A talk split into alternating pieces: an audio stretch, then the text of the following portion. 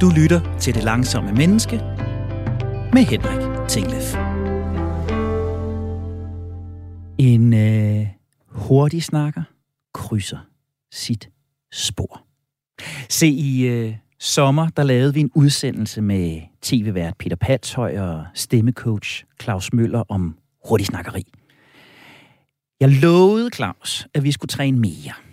At jeg ville øh, lytte til hans gode råd, og jeg vil arbejde på at tæmme tale tempoet. At jeg vil øve mig i at tale rigtigt. Men så skete der jo det, der altid sker ude i det der virkelige liv. Den ene dag tog den anden. Opmærksomheden røg over på andre temaer, emner. Dage blev til uger, uger til måneder. Ja, nu står vi så her. Og så havde jeg faktisk også lovet Claus, at vi skulle lave sådan en øh, træningsperiode. Sådan en, som jeg har haft det med telefoner, nejer og vejrtrækninger. Men for det ikke skal være løgn, så kom der en coronanærkontakt, øh, feber og adskillige PCR-tests i vejen for den plan. Men nu har jeg altså ikke flere undskyldninger. Nu kan jeg ikke udskyde det længere. Nu vil jeg ikke udskyde det længere. Så i dag, der skal vi tale, tale. I dag skal jeg øve mig i at tale. Og du ved jo godt, hvad det er, jeg skal, ikke? Jeg skal øve mig i at gøre det lidt bedre. Øve mig i at gøre det lidt langsommere. Jeg hedder Henrik Tinglef, og det her, det er det Langsomme Menneske på Radio 4. Programmet, der dokumenterer min og forhåbentlig inspirerer din vej til at blive lige præcis det. Langsommere, roligere og gerne også gladere i hverdagen. Dagens emne er altså endnu en gang langsom tale. Færre ord. Roligere ord. Samtaler, der hænger bedre sammen. Enetaler, der ikke tager pusten fra hverken den, der taler, eller den, der lytter. Sammen med dagens gæst, der skal jeg se på de situationer, hvor talestrømmen trækker i mig. Jeg vil forsøge at få svar på, hvordan jeg ondulerer ordstrømmen ordentligt. Og så håber jeg at kunne give inspiration til alle de, der døjer med det samme som jeg. Og så skal vi altså træne, træne og træne. Og gæsten, det er en kær genganger, og øh, det er en oprigtig fornøjelse at igen kunne sige velkommen til dig, Claus Møller. Tusind tak.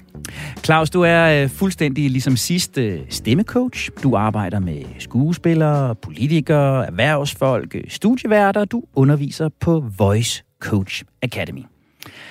Og øh, nu har jeg jo lige hængt mig selv fuldstændig til tørre her, Claus, og vedstået mig øh, alle mine, mine fejl i den forgangne periode. Men jeg har faktisk ikke været en full-blown slampert, fordi jeg har lagt mærke til nogle af de situationer i det halve års tid, der er gået, siden vi var sammen sidst, hvor det er stemmen løber af med mig. Og jeg tænker egentlig, at øh, det vi to skal gøre, det er, at vi skal kigge på nogle af de her situationer, jeg har noteret mig. Jeg prøver at være så ærlig som muligt, præsentere dem for dig. Og så ved jeg ikke, hvad der sker derfra. Så er jeg i dine hænder. Så øh, stiller jeg sikkert nogle dumme spørgsmål, og du prøver at give mig lidt input. Og øh, så ser vi, hvor det bærer os og lytterne hen. Er du med mig på den plan? Det er jeg så meget med på. Okay. Altså se, Claus. Øh, det første, det handler om engagement. Når jeg er virkelig engageret i noget, går op i noget, så løber talen af med mig. Og jeg har registreret primært to situationer, øh, hvor det sker. En af dem, det er heldigvis, når jeg skal tale med kommende gæster til det her program. Hvis jeg ringer til en ekspert i et eller andet, og jeg virkelig gerne vil have vedkommende med, jamen altså, jeg går jo fire runder øh, på kontoret eller hjemme i stuen, mens jeg taler i telefonen. Min stemme pitcher langsomt op. Jeg taler hurtigere og hurtigere. Jeg laver længere og længere sætninger. Jeg kan næsten blive helt flov over, at jeg ikke lytter til, til vedkommende i den anden ende, men jeg bare har behov for at få mit eget budskab ud.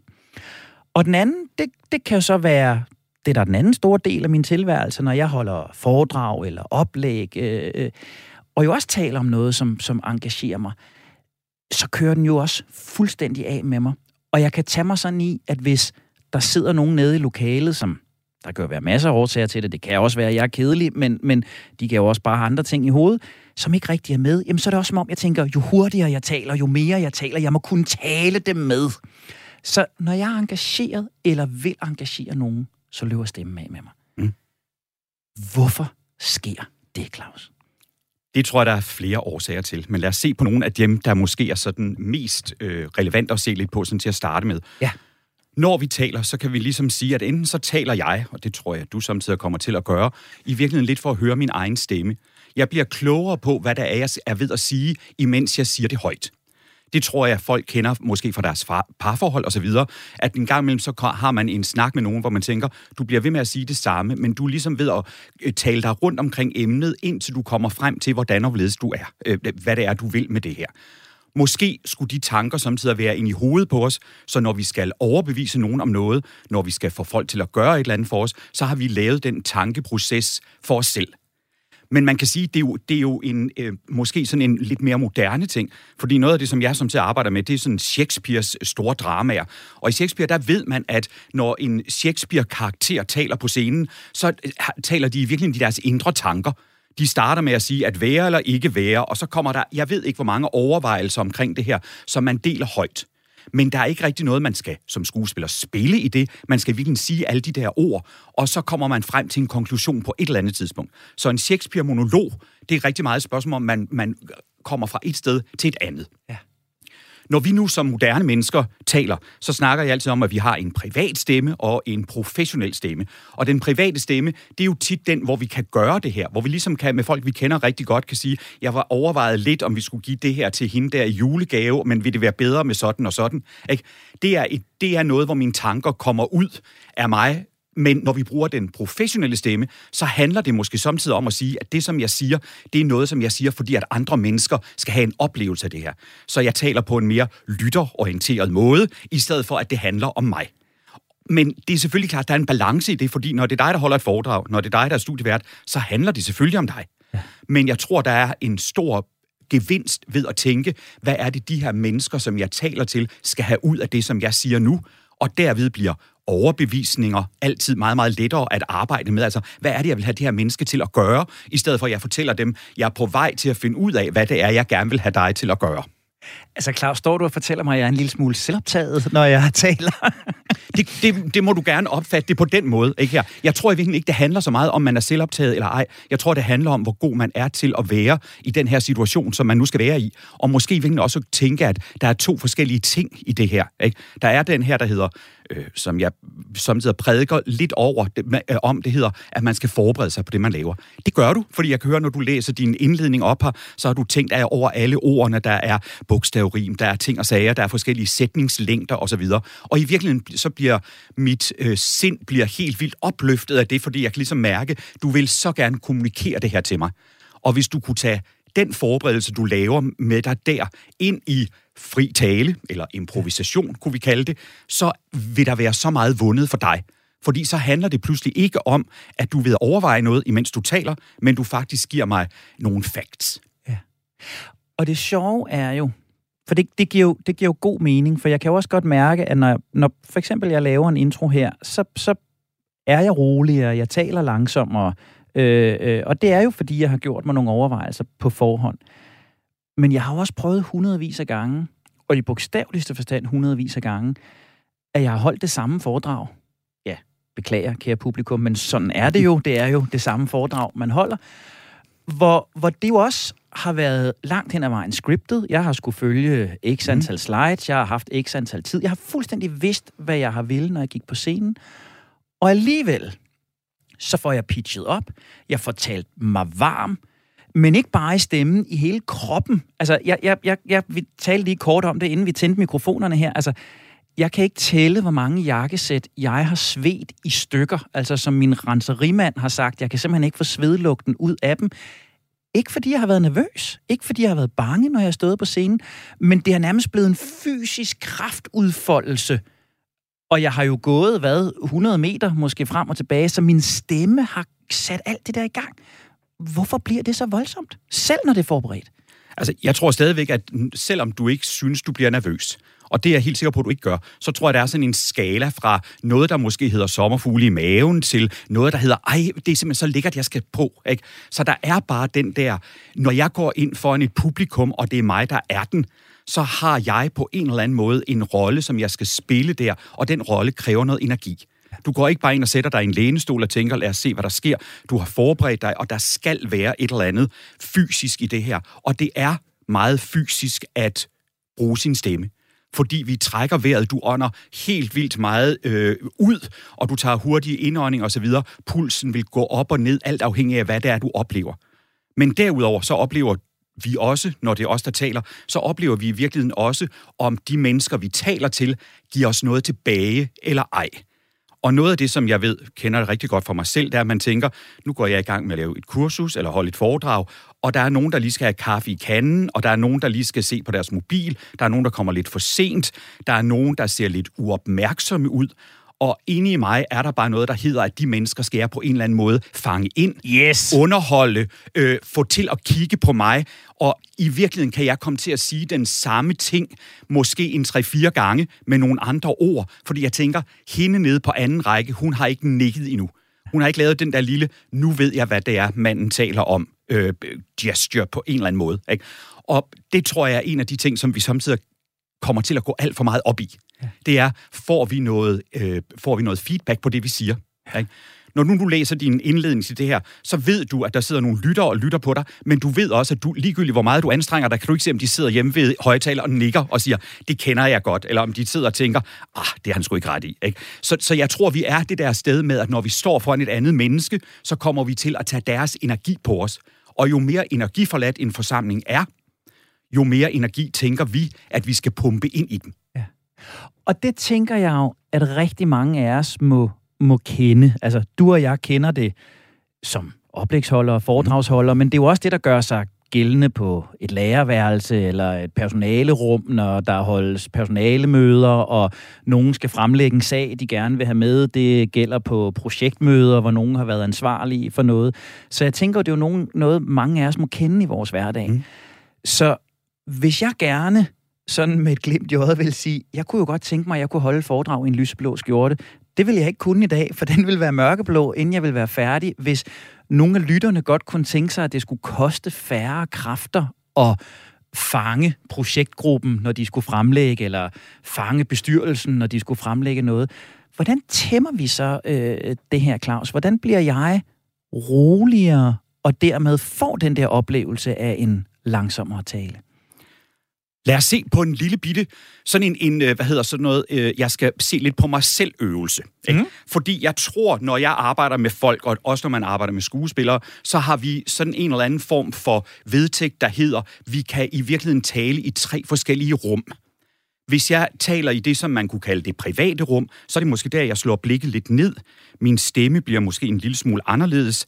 Det føler som om, jeg overvejer eller reflekterer over et eller andet så kan jeg sige, nu taler jeg direkte til Henrik, der står over for mig, men der kunne også godt være 200 øh, Henriker herinde, som jeg alle sammen skulle tale til, og med det samme, så kommer jeg til at vende min stemme lidt mere udad. Jeg kommunikerer direkte, jeg kigger på de mennesker, øh, er i en eller anden form for i det samme rum som dem. Og så kan jeg gå i det, som man samtidig kalder det tredje rum, det universelle rum. Det er der, hvor jeg løfter mit blik lidt, eller jeg kigger over til siden, eller at jeg i virkeligheden kommer til at tale lidt ud af den her tangent, hvor jeg glemmer lidt, at der er nogle andre mennesker til stede, men det er min ordstrøm, der kommer til at betyde rigtig meget. Jeg kommer til at tale lidt for hurtigt, fordi jeg i virkeligheden er mere inde i mit eget hoved, eller ude i universet, kunne man også sige. Og derved så lægger jeg ikke rigtig mærke til, hvad der, der sker, før jeg på et eller andet tidspunkt kommer tilbage til rum nummer to igen og tænker, der er nogen, der lytter på mig. Ikke? Og i virkeligheden er det den her med at se lidt på sig selv og finde ud af, hvor er man henne af selv, når man gør det der. Fordi vi, de fleste mennesker, som kommer til mig, sidder over for mig, fordi de skal have en eller anden undervisningssession, der vil jeg med det samme finde ud af, at de er altid i et af de her tre rum. Ja. Nogen har været på kursus og lært, at det er godt med øjenkontakt, og det er dem, hvor man tænker, det bliver vi nødt til at snakke om, for jeg kan ikke holde den her øjenkontakt med dig længere. Ikke? Det føler som om, jeg bliver nedstiget på en eller anden måde. Øh, og nogen kan man ligesom mærke, de kommer fra det sted, hvor de tænker, jeg vil så gerne blive bedre til at bruge min stemme og tale lidt kraftigere. Og det er helt klart, at deres øjenkontakt med mig, den øjne søger meget mere ned ind i det her rum, som de på en eller anden måde har skabt omkring sig selv. Ja. Og så er der helt afgjort nogen, og hvis jeg nu skal sige min mening om noget her, så er der sådan en som dig, som er rigtig god til at bruge det tredje rum. Ikke? Kom derover, fordi selvom du er ved at stille mig et spørgsmål, du starter med at kigge på mig, så ryger dine øjne meget hurtigt over til den ene eller til den anden side, fordi det er som om, du finder dine tanker øh, et eller andet sted uden for dig selv. Det tror jeg er helt rigtigt. Ikke? Men jeg tror, der er rigtig meget at hente i at blive god til at arbejde med alle de her tre rum. Fordi når du står og læser op og taler direkte til, til øh, lytterne i starten her, så er du så meget i det samme rum, som de forhåbentlig er derhjemme, nemlig andet rum. Ikke? De har lukket op for deres øh, afspiller på en eller anden måde, og de lytter på et eller andet her. Og hvis du taler det, som den måde, som du gjorde på før, så kan man ikke undgå andet at lytte. Hvis man synes, det er noget vrøvl, det du siger, så slår man et andet sted hen. Men man bliver draget ind af det, fordi du er i det samme rum som dine lytter. Ja øh, øh, øh, det er det forfærdelige ved det her program, det er, at jeg har så mange gange stået over for folk, der kigger lige igennem mig. Og, og, og du, du har jo fuldstændig ret, Claus, at, at... Og nu gør jeg det også, ikke også? Det gør du nemlig lige præcis. Lige nu, ja. jeg kan mærke, at jeg spacer ja. ud, for nu begyndte ja. jeg at tænke, nu begyndte jeg at filosofere, nu kigger jeg øh, sådan dødt ud i rummet her. Nu kigger jeg lige tilbage på dig. Ja. For du har fuldstændig ret. Når jeg bliver engageret i noget, så vil jeg fortælle mere, ja. så vil jeg lige have den ekstra lille pointe med. Mm. Jeg vil gerne lave den lækre sætning. Og så kører jeg, jeg lige ved at gøre det igen nu, fordi mm. at jeg er ved at lave sætningerne, så er jeg lige ved at space ud igen. Ja. Så ryger jeg ud i det, du kalder mm. det tredje rum. Ja. Og det er nok derude, jeg sveder. Det er nok derude, jeg kæmper. Det er det. Det er jeg helt sikker på, det er. For jeg sveder ikke, når jeg læser min intro op. Nej. Jeg øh, sveder ikke, når, når jeg står her og taler med dig. Nej. Jeg kan jo faktisk mærke nu, at min stemme bliver langsommere, mm. når jeg kigger på dig. Fordi du kan se, at du taler til mig nu. Ja. Ikke? Altså, du ved, at jeg lytter, og jeg står måske også og nikker lidt, ja. og jeg kan ligesom sige, at der er et eller andet her, som jeg enten er enig eller uenig i her, ja. men vi har faktisk en samtale. Ja. Ikke? Og jeg tror, at alle tre rum er vigtige. Du ja. kan ikke stå på en Nej. holde foredrag og så tænke, i dag er det andet rum, det drejer sig om her. Jeg skal Nej. kigge en eller anden i øjnene hele tiden. Fordi derved giver du heller ikke publikum en lille pause en gang imellem. Så den der, når du ved, nu har jeg sagt det her, det var vigtigt, nu laver jeg en lille overgang, som man også gør på radioen, hvis man samtidig ser, måske i gamle dage så, så tv så sagde de, og nu til noget helt andet, hvor man tænker, det vil jeg hellere høre din stemme gøre den overgang. Ikke? Men vi ved godt den der med, at hvis vi nogle gange kan gå op og bruge vores øh, universelle rum og tænke, jeg skal lige overveje noget her, ikke? så har det en helt vildt stor effekt på de mennesker, du taler til. Ja. Men hvis du er i låst fast eller mindre, i et af de her tre rum, så er der simpelthen bare noget, hvor din kommunikation, den bliver ikke helt så god. Og du kommer til i virkeligheden at skulle hente ting ned til dig selv, oppe fra universet på en eller anden måde. Og det er den, tror jeg, det der kampen, den tit ligger. Så kære lytter, næste gang du skal lave dit oplæg på personalemødet, næste gang du skal ind foran personalegruppen og præsentere en idé, så husk de tre rum. Husk øh, der, hvor du taler for dig selv, eller måske tænker lidt. Det kan også være okay. Husk den direkte kontakt, øjenkontakten, det andet rum. Og så er der det store, det brede, der hvor visionerne ligger, men det er måske også der, hvor det koster, og det er også der, hvor stemmen pitcher op. Og nu til noget helt andet. Jeg kunne ikke lade være, Claus. Den, øh, den anden situation, jeg har, øh, har taget med til dig, den øh, handler til dels om det samme, og jeg tænker i virkeligheden, at, at de råd, du har givet her, kan være, kan være en del af det. Men jeg oplever, og nu kigger jeg dig lige i øjnene igen, jeg oplever, at når jeg sidder i et lille møde, to-tre mennesker, mm. så kan jeg få en idé om, at tale er magt. Tale er betydningsfuldhed øh, tale er værdi. Mm. Og jeg kan nogle gange tage mig selv i at blive helt stresset, hvis jeg ikke rigtig har været på endnu. Og jeg kan tage mig selv i, at når jeg så kommer på, så vil jeg nødig give ordet fra mig igen. Og jeg kan komme til at sidde og lave sådan små regnestykker om, hvem af os har nu talt mest, og har vi talt lige meget, og, og hvem er så den vigtige her. Øh, og jeg skal ærligt indrømme, at der har jeg måske en personlighedsstruktur, der gør, at den skal jeg lige vinde. Så, så jeg taler mig ind, så jeg i hvert fald er sikker på, at jeg er ham, der har fuldt, øh, fyldt på mødet. Mm. Og det er helt dårlig samvittighed over øh, bagefter. Og igen kan det jo være rigtig, rigtig hårdt. Mm. Og det kan mest af alt gøre, at jeg måske ikke rigtig har taget imod ja. det, der er blevet sagt. Jeg har fået sagt en hel masse mine holdninger, mine meninger, men jeg har egentlig ikke rigtig hørt om, hvor de andre var. Så spørgsmål nummer et, Claus. Er det mig, der er fuldstændig gakkelak, eller er, er det noget, vi kender? Og spørgsmål nummer to er selvfølgelig også, hvad er det, der sker her? Nu skal jeg jo så bare sige sådan helt personligt, når nu du stiller mig et langt spørgsmål som det der, som hele tiden er relevant, så skal jeg hele tiden lægge bånd på mig selv for ikke at sige, mm, ja, nej, men det ikke at bryde ind på den måde der. Og jeg ved, hvor irriterende det kan være at høre på den slags gæster i radioen, så jeg prøver virkelig på at lade være. Så du, den der... du ved ikke, hvor ofte Andreas normalt går i øret på mig, eller Rebecca normalt øh, vil gå i øret på mig og sige, lad nu være med de der bekræfte lyde. Så jeg kender det. Ja, så, øh, så, så det, det, der tror jeg, der er noget i den her, der hedder, det vi kommer til at gøre, er jo, at vi hele tiden øh, spejler hinanden, når vi gør et eller andet. Og når vi spejler hinanden, så mærker vi også, at der er en derovre, der har mere energi, end jeg lige får lavet på nuværende tidspunkt, og den energi kommer jeg til at gå med ind i.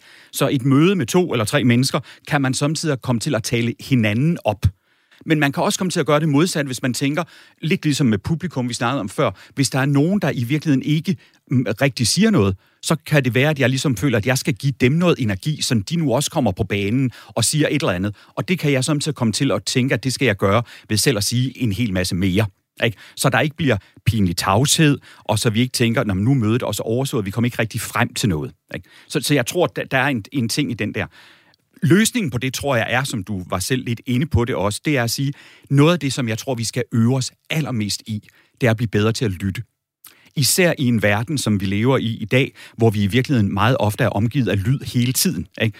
Jeg bor i København K, det vil sige, at hjemme hos mig er der meget sjældent stille. Ikke? Det, der, der vil være en bil, der kører forbi, øh, næsten ligegyldigt på hvilket tidspunkt af døgnet det er. Samtidig kan man høre nogen, der cykler forbi og taler osv. Øh, så den der med at lytte er måske noget af der, hvor vi, selvom vi ikke har sådan nogle ørelåg, ligesom vi har øjenlåg, hvor vi kan lukke ørerne, så har vi måske nogle mentale ørelåg, som vi kan lukke ned for. Og den her med at blive bedre til at lytte, altså lytte aktivt, vil man samtidig kalde det, på de mennesker, som du for eksempel er til et møde med, og ikke forberede, hvad er det, du selv skal reagere på om lidt. Det tror jeg er en af de helt vildt vigtige ting at blive bedre til. Og når nu jeg taler til dig, og du faktisk står og lytter til mig i andet rum, som vi talte om før, dine øjne går ikke et andet sted hen, imens jeg taler, så tror jeg faktisk, at du lytter meget mere. Så det, vi snakkede om tidligere med de tre forskellige kommunikationsrum, det kan man også overføre på den måde, man lytter på. Kan jeg virkelig lytte til folk i andet rum og være til stede i et rum sammen med dem? Og jeg tror, vi alle sammen kender det godt, måske mest fra vores privatliv, at vi kan have den der rigtig gode samtale med en god ven, en partner, et eller andet. Eller man kan sige, det er os, der tager opvasken efter et eller andet der. Og når man står der og vasker op, så er man pludselig i det samme rum, også selvom vi ikke står og kigger hinanden ind i øjnene. Men det er der, den gode samtale opstår. Og den gode samtale glemmer vi samtidig at tage med os på ud i det professionelle liv at et møde er aldrig nogensinde et spørgsmål om, nu skal vi have en god samtale. Det er et spørgsmål om at sige, jeg skal sige det, jeg skal sige, du skal sige det, du skal sige. Det lytter jeg ikke så meget på, fordi på et eller andet tidspunkt får jeg alligevel et lille memo om, hvad det er, vi har aftalt. Ikke? Og derved kommer jeg ikke til at være i det samme rum, som de mennesker, vi taler med. Og det gør, at vi bruger rigtig meget tid på, imens vi lytter, på at overveje, hvad er det, jeg skal sige bagefter. Og, og det er fuldstændig rigtigt. Og jeg kan mærke, at mens jeg står og lytter til dig nu, kæmper jeg med mm. bare at lytte. Fordi jeg får lyst til, åh, oh, det var en sjov formulering, den skal jeg lige gribe og gå videre på lige om lidt. Åh, oh, det lød godt, det du sagde der, det skal jeg spille en bold op af bagefter. Men jeg øvede mig faktisk i lige nu bare at lytte i stedet for at tænke, hvad er det næste spørgsmål. Men, men jeg, kan, jeg kan helt fysisk mærke, at min puls stiger, jeg kan mærke mm. spændingerne i brystet, fordi det ligger så naturligt i mig at se din tale som et oplæg, eller en, mm. øh, et, et, et tennislag, jeg skal slå retur, altså jeg mm. skal smashe på den, jeg skal returnere den, jeg skal sparke til den. Jeg bliver drevet af det der med at give dig noget igen. Mm. Og det, som jeg oplever, fordi nu tænker jeg, nu prøver jeg at lave en lidt længere forklaring her, så efter hvor god du er til at blive i det samme rum som mig og lytte, og det var du virkelig god til. Men samtidig med det, så kan jeg se, at der sker den, når jeg godt ved, nu har du lyst til at øh, øh, bryde ind, du kommer til at holde vejret. Ja. Du kommer simpelthen til at stå og tænke, og nu er det min tur til at sige noget, ikke her? Og i virkeligheden er det den der holde vejret ting, der får vores puls op. Fordi det er vores krop simpelthen ikke beregnet til, at vi skal stå og holde vejret måske en 3-4 sekunder, fordi nu er det mig, der skal sige noget igen. Ikke? Og jeg tror, det er meget ofte det, der gør, at vores vejrtrækning den bliver så øh, fucked up, som den kan blive, hvis vi skal lytte til andre mennesker, fordi vi pludselig kan mærke, åh oh, nej, og jeg fik ikke sagt det, og ikke? så der er en frustration inde i den der med ikke at komme af med de tanker, man har. Alle de tanker, man har, hvor man måske skulle tænke, jeg har tre bullet points med mig til det her møde, og det er de tre ting, jeg skal have med. Ja. Men det, det har jeg aldrig tænkt over før, men du har fuldstændig ret. Når vi står her nu, så mærker jeg det, at der, hvor jeg tænker, nu er det mig, så holder jeg op med at trække vejret. Det er fuldstændig rigtigt. Mm. Og jeg tænker også, at, og nu, går jeg, nu kan jeg mærke, nu ryger jeg ud i det der tredje rum, fordi mm. nu skal jeg til at filosofere, men, men jeg tænker også, om det er i virkeligheden, at det, der kommer til at ske, når jeg kæmper med at få hende dernede på tredje række med, eller ham der, der sidder og scroller i sin mobiltelefon, at der stopper jeg også med at trække vejret. Fordi der kan jeg jo mærke, at min stemme kører helt herop, og den, jeg bliver spændt mere med i brystet. Til sidst ligger den helt oppe i mandlerne, nærmest taler jeg deroppe. Ja. Øh, så, så når, jeg, når jeg på en eller anden måde føler, at talen bliver en kamp, så stopper jeg med at trække vejret. Mm. Og det er vel også derfor, jeg så begynder at kampsvede. Og, ja. Ja. Mm. Jeg tror, vi har i dag har vi sådan en, en øh, måske vil jeg være så øh, stor i slaget og kalde det en folkesygdom som hedder, at vi har glemt, hvordan man trækker vejret. Og det ved man godt, fordi vi ved godt, at åndedræt er blevet det nye sorte. Det er det, vi skal huske at tænke på, og vi snakker om at trække vejret dybt ned i maven og sådan noget. Men i virkeligheden, så tror jeg slet ikke, det er det, det handler om. Det handler om, at det, vi kommer til at gøre hele tiden, når vi lytter, når vi venter på at tale, når vi er ude i det offentlige rum, det er, at vi hele tiden kommer til at være i en eller anden form for fight or flight ting. Altså, vi er hele tiden et sted henne, hvor jeg tænker, hvornår skal jeg smashe det næste ja. øh, ind? Hvornår skal jeg gøre det næste? Og det betyder, at vi hele tiden spænder op i vores kormuskulatur, først og fremmest vores mavemuskler. Det kan du huske, vi har talt om øh, tidligere også. Så den her med at vende sig til at kunne lytte, samtidig med, at jeg tænker, jeg spænder lige af i maven. Med det samme, vi gør det, så sker der det, at der pladsen inde i vores brystkasse bliver en lille smule større. Vores hjerte kan arbejde en lille smule langsommere på den måde. Derved så falder min puls helt vildt hurtigt. Men hvis man gør lidt som du gør, at du lige tænker, se lige min sixpack-muskel, imens jeg, imens, jeg, det vil jeg sige, det, det gør Henrik ikke her i studiet, men, men det vil også være umuligt. på et, et overført plan her, så er det det, der kommer til at gå galt, og det er der, at alt, rigtig meget af stress, og jeg ved ikke rigtig, hvad det er, jeg skal sige, altså alle de der frustrationer, de kommer fordi, at vi ikke får spændt af i maven. Og jeg ved det måske især med mit arbejde med politikere, fordi politikere er i et meget, meget stressende job. Der er hele tiden en journalist, der sætter en, en mikrofon op i øh, øh, munden på dem, og de skal hele tiden forholde sig til alle mulige ting og sager. Når der kommer en politiker i mit lokale og tænker, må jeg godt lige tage skoen af? Og jeg siger, start lige med at putte en tommelfinger i navlen, læg de andre fingre ned under din navle, og så prøv at spænde helt af i maven. Så sker der samtidig det mm, lidt overvældende for dem selv, ikke så meget for mig mere, at de faktisk næsten kan komme til at græde over det. Fordi man pludselig slipper et eller andet i sig selv. Så de kan pludselig blive rørte over at mærke, gud, det er der min krop den i virkeligheden bor. Og ikke i en spændt ophed hele tiden. Ja. Så jeg står og får sådan et billede af, at det, der vil hjælpe mig, og lytteren kan jo se, om det vil hjælpe øh, øh, dig, jeg har sådan et mentalt billede af, at, at samtalen skal væk fra at være den der tenniskamp. Du, du sender en presbold ned til mig, jeg laver en hård forhånd retur til dig, du sender en krydsbaghånd til mig. Det er lidt sådan, jeg godt kan komme til at opleve øh, tale i dag. Hvad end det er en samtale, eller det er en envejskommunikation, der, der får jeg bare presboldene på et andet, en anden måde for publikum. Nikker de til mig, eller smiler de, eller de er opmærksomme. Men, men det er et pingpong. Og i virkeligheden til at sige, når man, det er et teaterstykke, jeg læner mig tilbage, betragter dig, tager de indtryk ind, der nu engang kommer. Og når det stykke er færdigt, så kan jeg jo rejse mig op og se, hvad jeg så vil gøre øh, derfra. Så man får den der betragterrolle, i stedet for kamprollen. Er, er det et billede, der, der, der passer til det, du siger? Det tror jeg er et rigtig godt billede. Men jeg tror stadigvæk også, hvis nu vi lige skal blive i tennisverdenen eller nogle andre af de der ting, ikke? For det er ikke fordi, det, jeg ved meget om det, men jeg coacher samtidig folk, som er professionelle sportsmennesker, og de kommer, fordi de tænker, jeg er virkelig god til at spille tennis, men når der så kommer en journalist, der vil spørge mig om noget, så kan jeg ikke finde ud af at bruge min stemme. Ikke? Men de ved i virkeligheden godt, at når man står og venter på at tage imod en bold i tennis, ikke?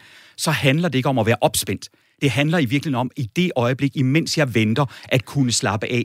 For ellers skulle du måske være anspændt i en 3-4 timer i din krop. Så det handler hele tiden om at kunne tage energien ned og sige, nu kommer der, om lidt kommer der en bold over til mig, og den reagerer jeg på og så spænder jeg af, og så reagerer jeg, og så spænder jeg af. Ikke? Og spænde af, det betyder selvfølgelig ikke, at de ligger sådan ned på banen og er sådan helt i, gået i send, men det handler om, hvordan man øh, i virkeligheden administrerer sin energi.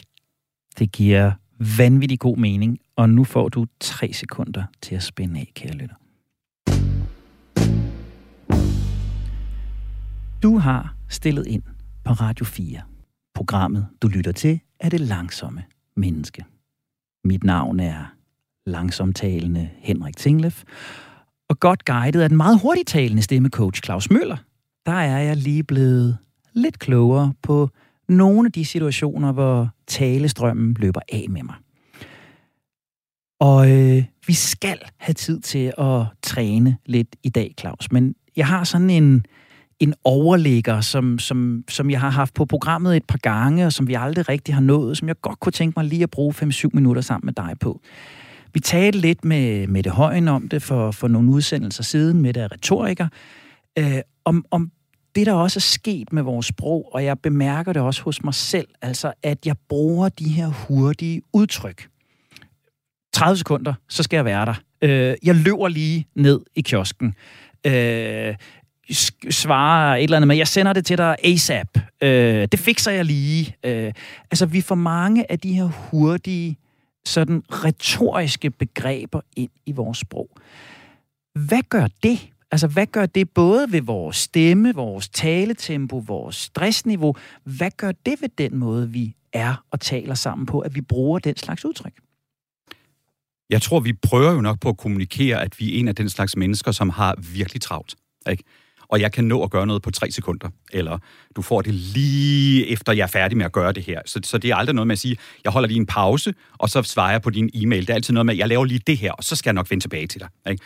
Så, så på en eller anden måde, så tror jeg, at vi kommunikerer, at vi ikke er et langsomt menneske, men at vi er et hurtigt menneske. Ikke? Og det gør vi med alle de der ting og sager.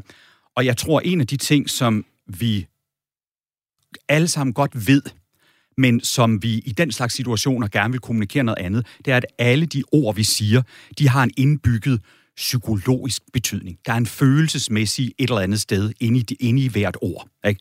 Øh, jeg, har, jeg har arbejdet med en svensk skuespiller, og hun siger, det er kun danskere, der for eksempel ved, hvad julefrokost betyder. Hvis hun siger julelunch, så er det ligesom, nå ja, vi skal spise noget mad på et eller andet tidspunkt i julen, men vi ved godt, at julefrokost, hvis jeg siger det, så ved alle danskere lige præcis, hvad det betyder. Ikke? Og i virkeligheden så er det, vi snakker som til, at der er nogle ord, der lyder som det, de betyder. Ikke et onomatopoetikon, hvis jeg siger spyt eller slange og sådan noget. Men i virkeligheden så lyder alle ord som det, de betyder. Så hvis vi tager os tid til at finde ud af, hvordan et ord i virkeligheden lyder, hvordan føles det ind i munden, hvilken følelse får jeg, når jeg siger det, og når du for eksempel siger langsomme, så får du virkelig langsomt til at lyde langsomt. Hvis nu du har sagt, velkommen til det langsomme menneske, ikke? det har været mærkeligt. Ikke? Vi, har, vi kan mærke, at der bliver en, en, en ubalance imellem de ord, du siger, og det, du i virkeligheden prøver på at kommunikere. Det er det, som alle skuespillere de vil lave, når de lærer en ny rolle. Det er, at de skal finde ud af, at alle de ord, de siger, det, de skal betyde noget. Man kan ikke bare sige, den her karakter, som jeg spiller, øh, har, der, skulle lige, der kunne bare have stået mumle, mumle, mumle, og så kunne jeg selv have sagt bla bla bla, og så havde jeg kunne lave en følelse i det. Følelsen kommer altid fra ordene. Og det gør det også, når du læser op i starten her. Og det er det, vi glemmer. Når vi laver de der hurtige ting, så er det i virkeligheden, at det bliver, det kommer til igen, kommer til at handle om mig som afsender, der siger, jeg har simpelthen så travlt. Ikke? Jeg kommer til at gøre sådan og sådan. Så hvis nu, at vi i stedet for skulle sige ASAP, skulle sige alle de der fire ord, ikke? så vil det tage meget længere tid. Ikke? Og derfor så skriver vi ikke den slags ting og sager.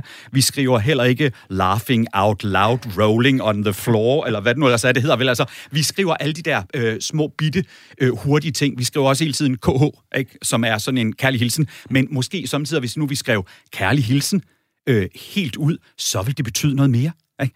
Jeg har en, en, en god ven, som altid, når hun skriver til mig, så skriver hun altid, kæreste Claus. Ikke? Og jeg kan sådan mærke den der med, at der, der står ikke, hej Claus, eller der står ikke uh, HI Klav, som der også samtidig kun står ikke her. Men der er et eller andet, når jeg får den der, så kan jeg mærke, nå da, okay. Ikke? Der, det, det, hun vil mig noget mere end bare, hej Claus, eller hvad det nu ellers er. Jeg får noget andet ud af det. Så derfor så betyder de ord som vi bruger meget mere, end vi måske lige regner med. Det er enormt tankevækkende for en, der altid slutter, øh, lige så snart jeg kender et menneske det mindste, så slutter jeg altid med KHH. Kærlig hilsen Henrik. Men, ja. men, men læg mærke til, det er kærlig hilsen Henrik. Ja. Det er jo ikke kærlig hilsen Henrik. Nej. Det vil, så vil jeg jo skrive det. Ja. Hvis, jeg, hvis jeg skrev et brev til et menneske, der betød noget for mm. mig, og jeg virkelig mente, at det var en kærlig hilsen, ja. så vil jeg jo ikke skrive KHH. Nej. Så vil jeg skrive kærlig hilsen Henrik.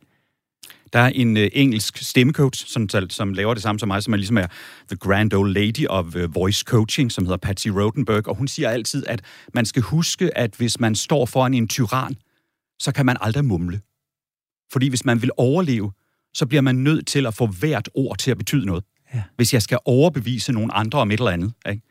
Og jo flere forkortelser vi bruger, det gør jeg også selv, ikke?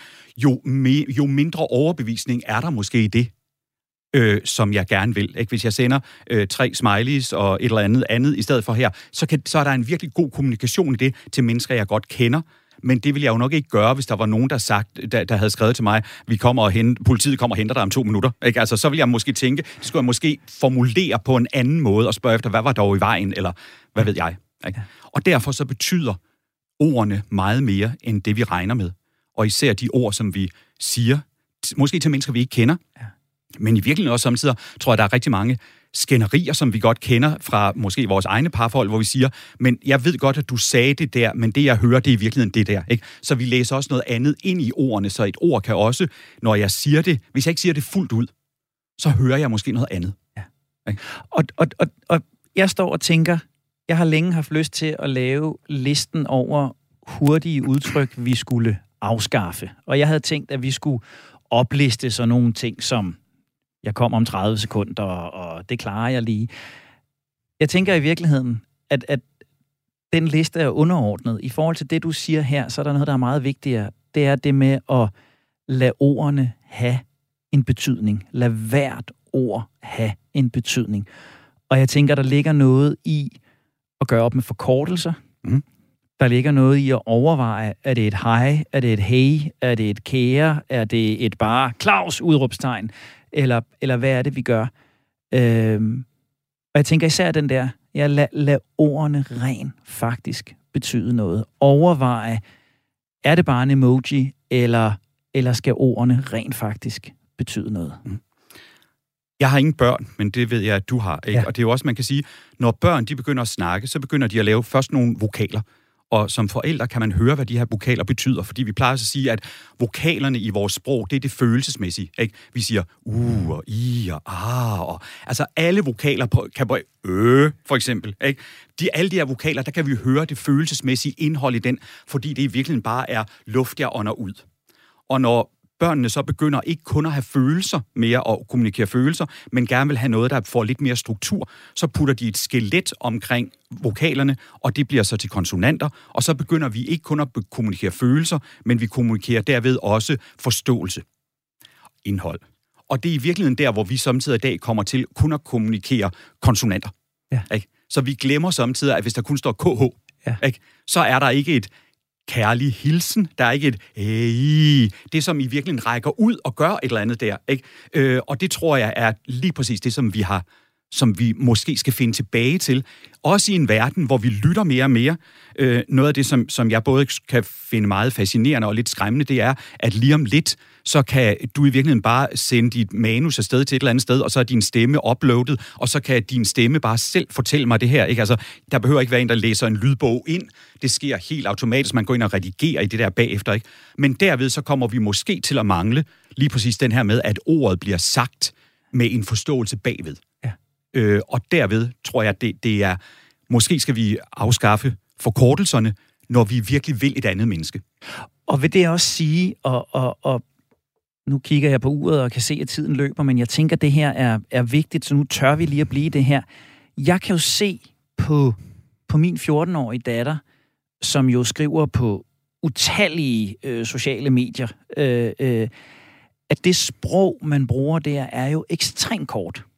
Øh, altså, jeg taler tit med hende om, når, når hun skal skrive en lidt mere formel besked, øh, sige, at du skal lige skrive i hvert fald hej og navnet på den, du skriver til. Mm. Altså, øh, hun kan godt finde på at melde afbud til et eller andet, bare ved at skrive, kommer ikke. Øh, og når jeg så siger til hende, kan du ikke lige skrive, hej Maria, øh, jeg har desværre en anden aftale mm. på torsdag, øh, tak for invitationen, men jeg er nødt til at melde afbud. Så kigger hun jo på mig, som om jeg er en rankidor af, ja. af rang, og jeg lever i fortiden, og jeg har tænkt mig at mejsle det her i sten. Er det i virkeligheden en kamp, der er vigtigere end som så? At, at vi får afskaffet det der øh, sms-sprog. Jeg kan jo også skrive en lang besked til hende, og så får jeg en thumbs mm. up, eller mm. øh, nu kan man endda det der, man behøver ikke engang at sende thumbsen op, man kan bare gå ind på beskeden, og, og, så man får den der lille en deroppe, ja. ikke? Ja. Altså, jeg står og tænker, det bliver jeg da helt vildt bekymret over, mm. når, når du fortæller mig det her. Er det noget, vi skal gøre noget ved? Det synes jeg, vi skal gøre noget ved. Ja. Det synes jeg. Ikke? Jeg sender tonsvis af, af uh, emojis også selv, fordi det er bare blevet den måde, som vi gør et eller andet hurtigt på. Ikke? Altså, ses vi klokken 12, uh, thumbs up, ikke? Her, ja. og så ved vi bare, at vi er der. Men jeg tror igen, hvis det vi, dem, de mennesker, som vi kommunikerer med på den måde, hvis de betyder noget for os, ja. så bliver vi nødt til at få den, få den til at forstå, at de faktisk betyder noget for mig, og derved bliver jeg nødt til at lade være med at kommunikere så kort, ja. som, som vi kan komme til at gøre i dag. Kære lytter, jeg har tidligere lovet, at jeg skal være længere tid om at besvare mine e-mails. I dag lover jeg, at jeg vil skrive længere sms'er. Din radio står lige nu på Det Langsomme Menneske på Radio 4. Det her, det er programmet, der hjælper både dig og mig med at skrue ned for tempoet og op for livskvaliteten, ned for ordstrømmen og op for meningen. Meningen er hvert eneste ord. Jeg hedder som altid Henrik Tinglef, og med mig i studiet, der har jeg stemmecoach Claus Møller. Og Claus, vi har et kvarters tid tilbage, og jeg havde lovet dig på forhånd, at øh, på et tidspunkt, så var jeg din. Øh, og det er nu. Så mm. jeg aner ikke, hvad der skal ske det næste kvarters tid. Det er jo også noget af det, jeg skal øve mig i. Så øh, oplægget til dig er sådan set bare, hvis jeg skal gå herfra efter udsendelsen og være lidt bedre beredt til, til de situationer, som vi har talt om her, hvis de lyttere, der har det ligesom mig, som også kender til, at de kampsveder, når de stiller sig op foran andre, ikke fordi de er nervøse, men fordi de kæmper, dem, der også har det lidt med, at ord kan blive magt, ord kan blive indflydelse, ord kan blive betydning. Hvad kan vi to gøre nu, som ruster mig bedre? Jeg skal faktisk ud og holde foredrag bagefter øh, i dag her, så, så er der noget, jeg kan øve mig på allerede inden det? Mm. Jeg tænker, at vi, det vi skal prøve at gøre, vi skal prøve at arbejde sig igennem din stemme. Jeg prøver at, samtidig at kalde mig selv for øh, stemmetræner. Jeg synes, stemmecoach fungerer også rigtig godt. Men den her med at tænke, at det der med stemme, det er noget, vi træner. Det er ikke noget, som vi kan tænke os til. Man kan ikke komme og snakke med mig en time, og så har man fået en bedre stemme. Det er simpelthen noget, som man rent fysisk skal gøre, fordi stemmen er altid muskler. Og når, vi, når jeg arbejder med en stemme, så tænker jeg altid, at der ligesom er tre lag i det her. En stemme er noget, som vi selv bygger. Vi har allerede en stemme, den er blevet bygget, mens vi er vokset op. Hvis vi var født i Japan, havde vi nok talt japansk osv. Så, så der er en hel masse øh, muskelarbejde, som vi er vant til at gøre. Men hvis vi så lytter på vores egen stemme og tænker, der er noget, jeg gerne vil lave om, så skal vi finde ud af, hvad er det, jeg skal have trænet for at gøre det. Og det er det samme som at sige, at jeg vil gerne have en bedre sixpack-muskel eller større overarme, så bliver jeg nødt til at lave nogle øvelser, der gør noget ved det. Så, så det er det, vi prøver at starte med. Så kan man sige, overbygningen på det, der er altså at blive bedre til at spille på sin stemme. Det kan være den her med at kunne tale hurtigt og langsomt, kunne ændre ting i sin stemme, kunne tale kraftigt og svagt osv. Og så øverst på det, der ligger det, som man hedder, at man kommunikerer med sin stemme. Det har vi talt meget om i dag. Hvordan er det, at jeg i virkeligheden får mit budskab igennem de her ord? Hvad er det, der ligger inde bag ved ordene? Øh, I dag er der sne på udenfor, så hvis jeg sagde, ej, hvor det dejligt, at det er sådan en sommerdag, så vil du vide med det samme, at det, jeg sagde, var ikke rigtigt, men du vil heller ikke tænke, at jeg lyver. Du vil tænke, nej, i dag var han lidt ironisk omkring det. Hvordan kan vi høre det i en stemme? Men det, vi skal starte med, det er simpelthen det her med instrumentet, og det vil sige, det er jo også det, som hedder en stemmeopvarmning, at vi ligesom ved, at stemmen er klar til at være stærk, fleksibel og udholdende. Yes. Så du skal stille dig lidt, som du allerede gør, og man må gerne være med derhjemme i stuerne også her, og så skal du prøve at lægge dine tommelfinger i din navle, og brede de andre fingre ud, så du ligesom står med dine sixpack-muskler, som er inde bagved, øh, i hånden her, og så skal du lade din mave falde så langt ud, som du overhovedet kan. Og det må også gerne betyde, at man falder en lille smule ned i sit brystben, så man ikke står og tænker, at man har været lidt for lang tid ved militæret, men man bare er der. Og derfra, der prøver du helt langsomt at trække din navle ind til din rygsøjle. Og du kan bare mærke, at du ligesom tænker, hvis jeg skulle have de her bukser på, der var et nummer for lille, så bliver jeg nødt til ligesom at trække navlen helt ind. Hold den spænding lidt, og slip igen. Og måske kunne du nu mærke, at du slap faktisk måske 2 mm mere, så derfor gør vi det lige en gang til. Så tænk, at det er en bevægelse, du trækker ind hele tiden og holder lidt og slipper igen. Nu skal vi have den her til at fungere som din vejrtrækning, altså din talevejrtrækning. Nu skal du gøre det samme med maven igen. Med den her skal du puste ud, så jeg vil have dig til at sige, imens din mave går indad. Hold da op. Ja. Velkommen til Godt ved Gymnastik på Det er Radio 4. virkelig. Sådan. Rigtig godt. Og hvis man er derhjemme, med derhjemme, så kan man jo virkelig bare stå og gøre det samme. Det, som Henrik gør nu, fungerer rigtig godt. Prøv at lægge din anden hånd på dit brystben, så du kan mærke, at du ikke falder lidt ned der, men du i virkeligheden bliver det samme sted der. Så din, det er din mave, der arbejder. Og smid maven igen, så lad den falde ud der. Rigtig godt. Jeg plejer at kalde det, vi laver nu her, hvor man kan mærke, at maven den går ud for en splat vejrtrækning. På engelsk, der står, Bulldog, det er et godt lydmalende ord, som vi har snakket om før, så står splat for speakers, please loosen abdominal tension, det vil sige spænd af i maven, og det er faktisk det, som vi har brugt tid på at snakke om i dag. Ikke? Ja. Så hver gang vi taler, så skal vores mave bevæge sig indad, og når vi er færdige med at sige noget, så skal vi splatte. Ikke? Og det er bare det, jeg begynder at sige nu her, kan man se, så, så gør din krop det. Nu skal vi sætte noget vibration på det her, fordi stemmen er jo vibration. Ja. Så nu vil jeg have dig til at gøre det samme igen indad med maven, og nu skal du ånde ud samtidig med det, men i stedet for kun at puste, skal dine læber nu sige... Saftsus med god radio, det her. Jeg skal øh, trække ind og sige bulululu. Ikke? Ja. ja. Hold jeg, Ja, lad os prøve en gang. kombinatorik på højt. Ja, ja, det er det virkelig. Jeg spænder det er helt det. af. Ja. Så, Navlen ind, og Ja. så... ja da. Sådan der. Og hvis nu det her det ikke skulle være radio, så ville vi måske have gjort det her nogle flere gange, men du har faktisk god til at gøre det der, så der er noget, der sker allerede der. Yes. Og hvis nu vi skal blive det spor, vi har været lidt i i dag, den her med at tænke, hvad gør det her ved det publikum, du skal ud og tale til senere? Det gør, at nu bevæger du noget ind i dig selv. Og når du bevæger noget ind i dig selv, kan du også bevæge andre mennesker. For din stemme er jo bevægelse i rum. Du sender lydbølger ud. Men hvis du bare spænder op i maven og trækker maven ind, så sender du ikke nær så mange lydbølger ud. Og derfor er det måske hende nede på tredje række, der ikke rigtig kan mærke dig. Ikke? Men hvis jeg Og- stiller mig op og siger... Så skal hun nok kigge op. Det, jo- det har du helt ret i, ikke her. Og det, vi, husk, det vi laver nu her, det er træning. Ligesom at gå ned i et lokale fitnesscenter. Ja, okay. Når du så kommer hjem igen, så tænker du ikke, hvor er min vækstsang hænge? Jeg må hellere gå rundt med den hele dagen, ikke her. Så vi prøver at få dig til at gøre noget, ikke her. Men så, hvis du tre gange i løbet af et foredrag kan nå at tænke, splat, så får du startet på en frisk, og med det samme vil din krop opleve det her på en anden måde. Vi gør lige den fjerde ting med det her også Ja, her. ja, ja, ja. Så prøv en gang at se efter, om du nu kan få din stemme med os. Nu har vi sagt, og nu vil jeg have dig til at sige, Okay, så jeg ikke bare puster, men jeg har lyd inde bagved. Ja. okay.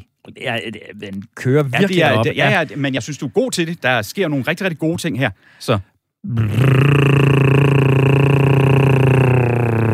Ja da. Ikke? Og nu er det så, jeg gerne vil afsløre, jeg tror, jeg har sagt det til dig før det her, man bliver først rigtig god til at bruge sin stemme, når man kan sige i sådan en 20-30 sekunder. Ja, Det er jo en udfordring, Claus. Det ved du godt, ikke? Men det er jo ligesom at blive bedre til at løbe, eller alt muligt andet. Det her, det er lidt sådan cardio for stemmen. Ikke?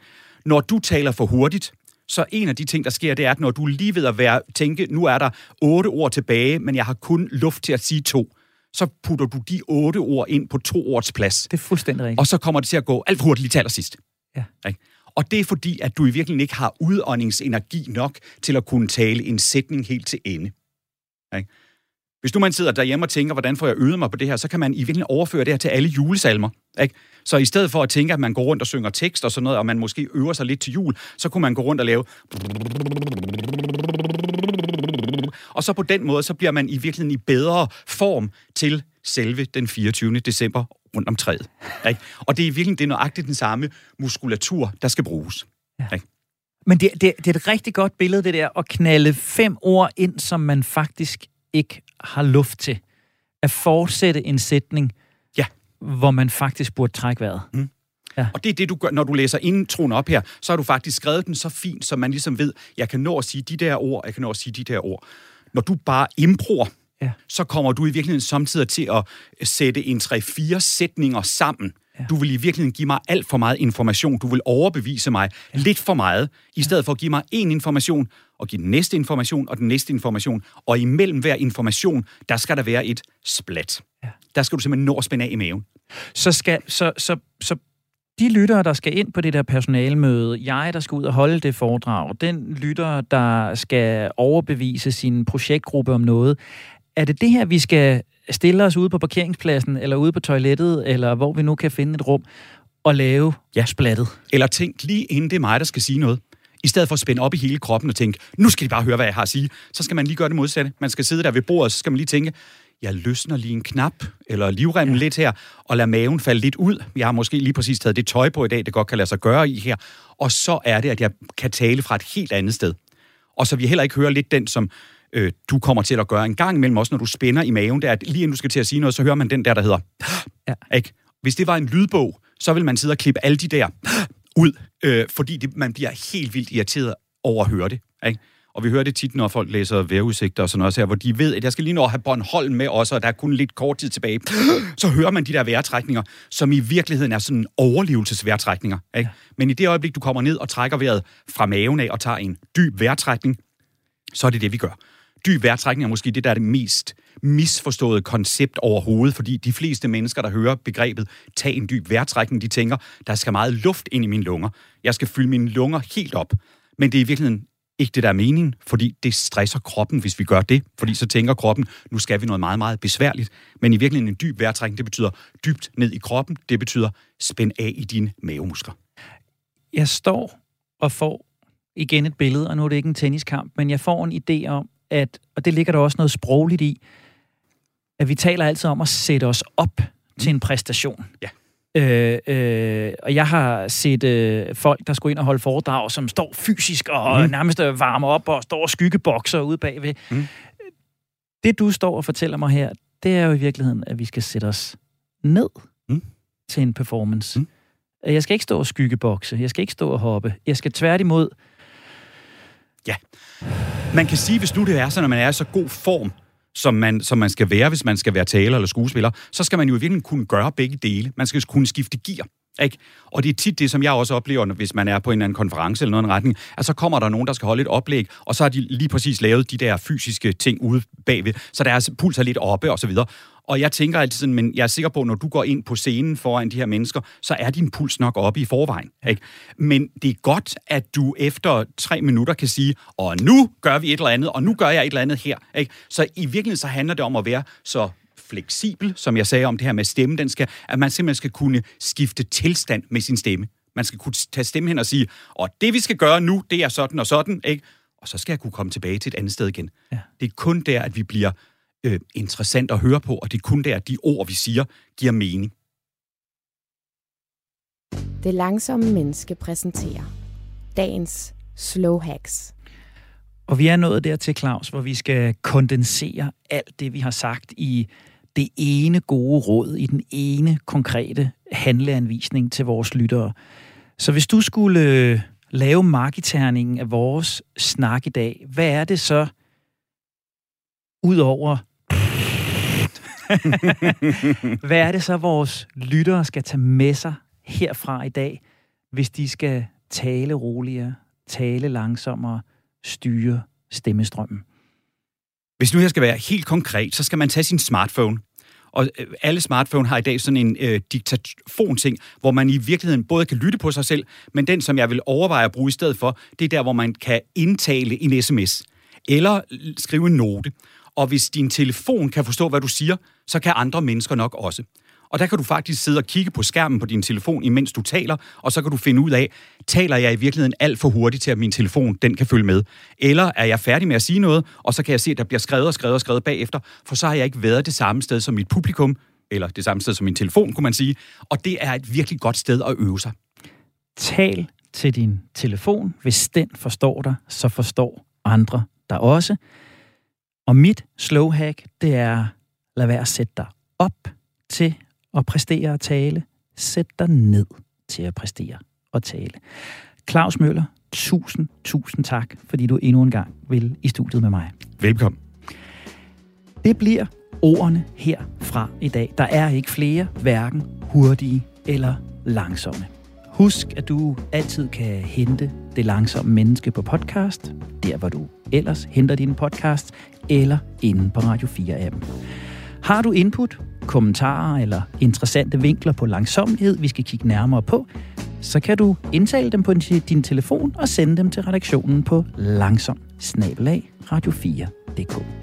Programmet her, det er produceret af Only Human Media. Tak, fordi du har investeret både din tid og din opmærksomhed i os. Jeg hedder Henrik Tinglef, og jeg er også i praktisk tale tættere på at blive det langsomme menneske.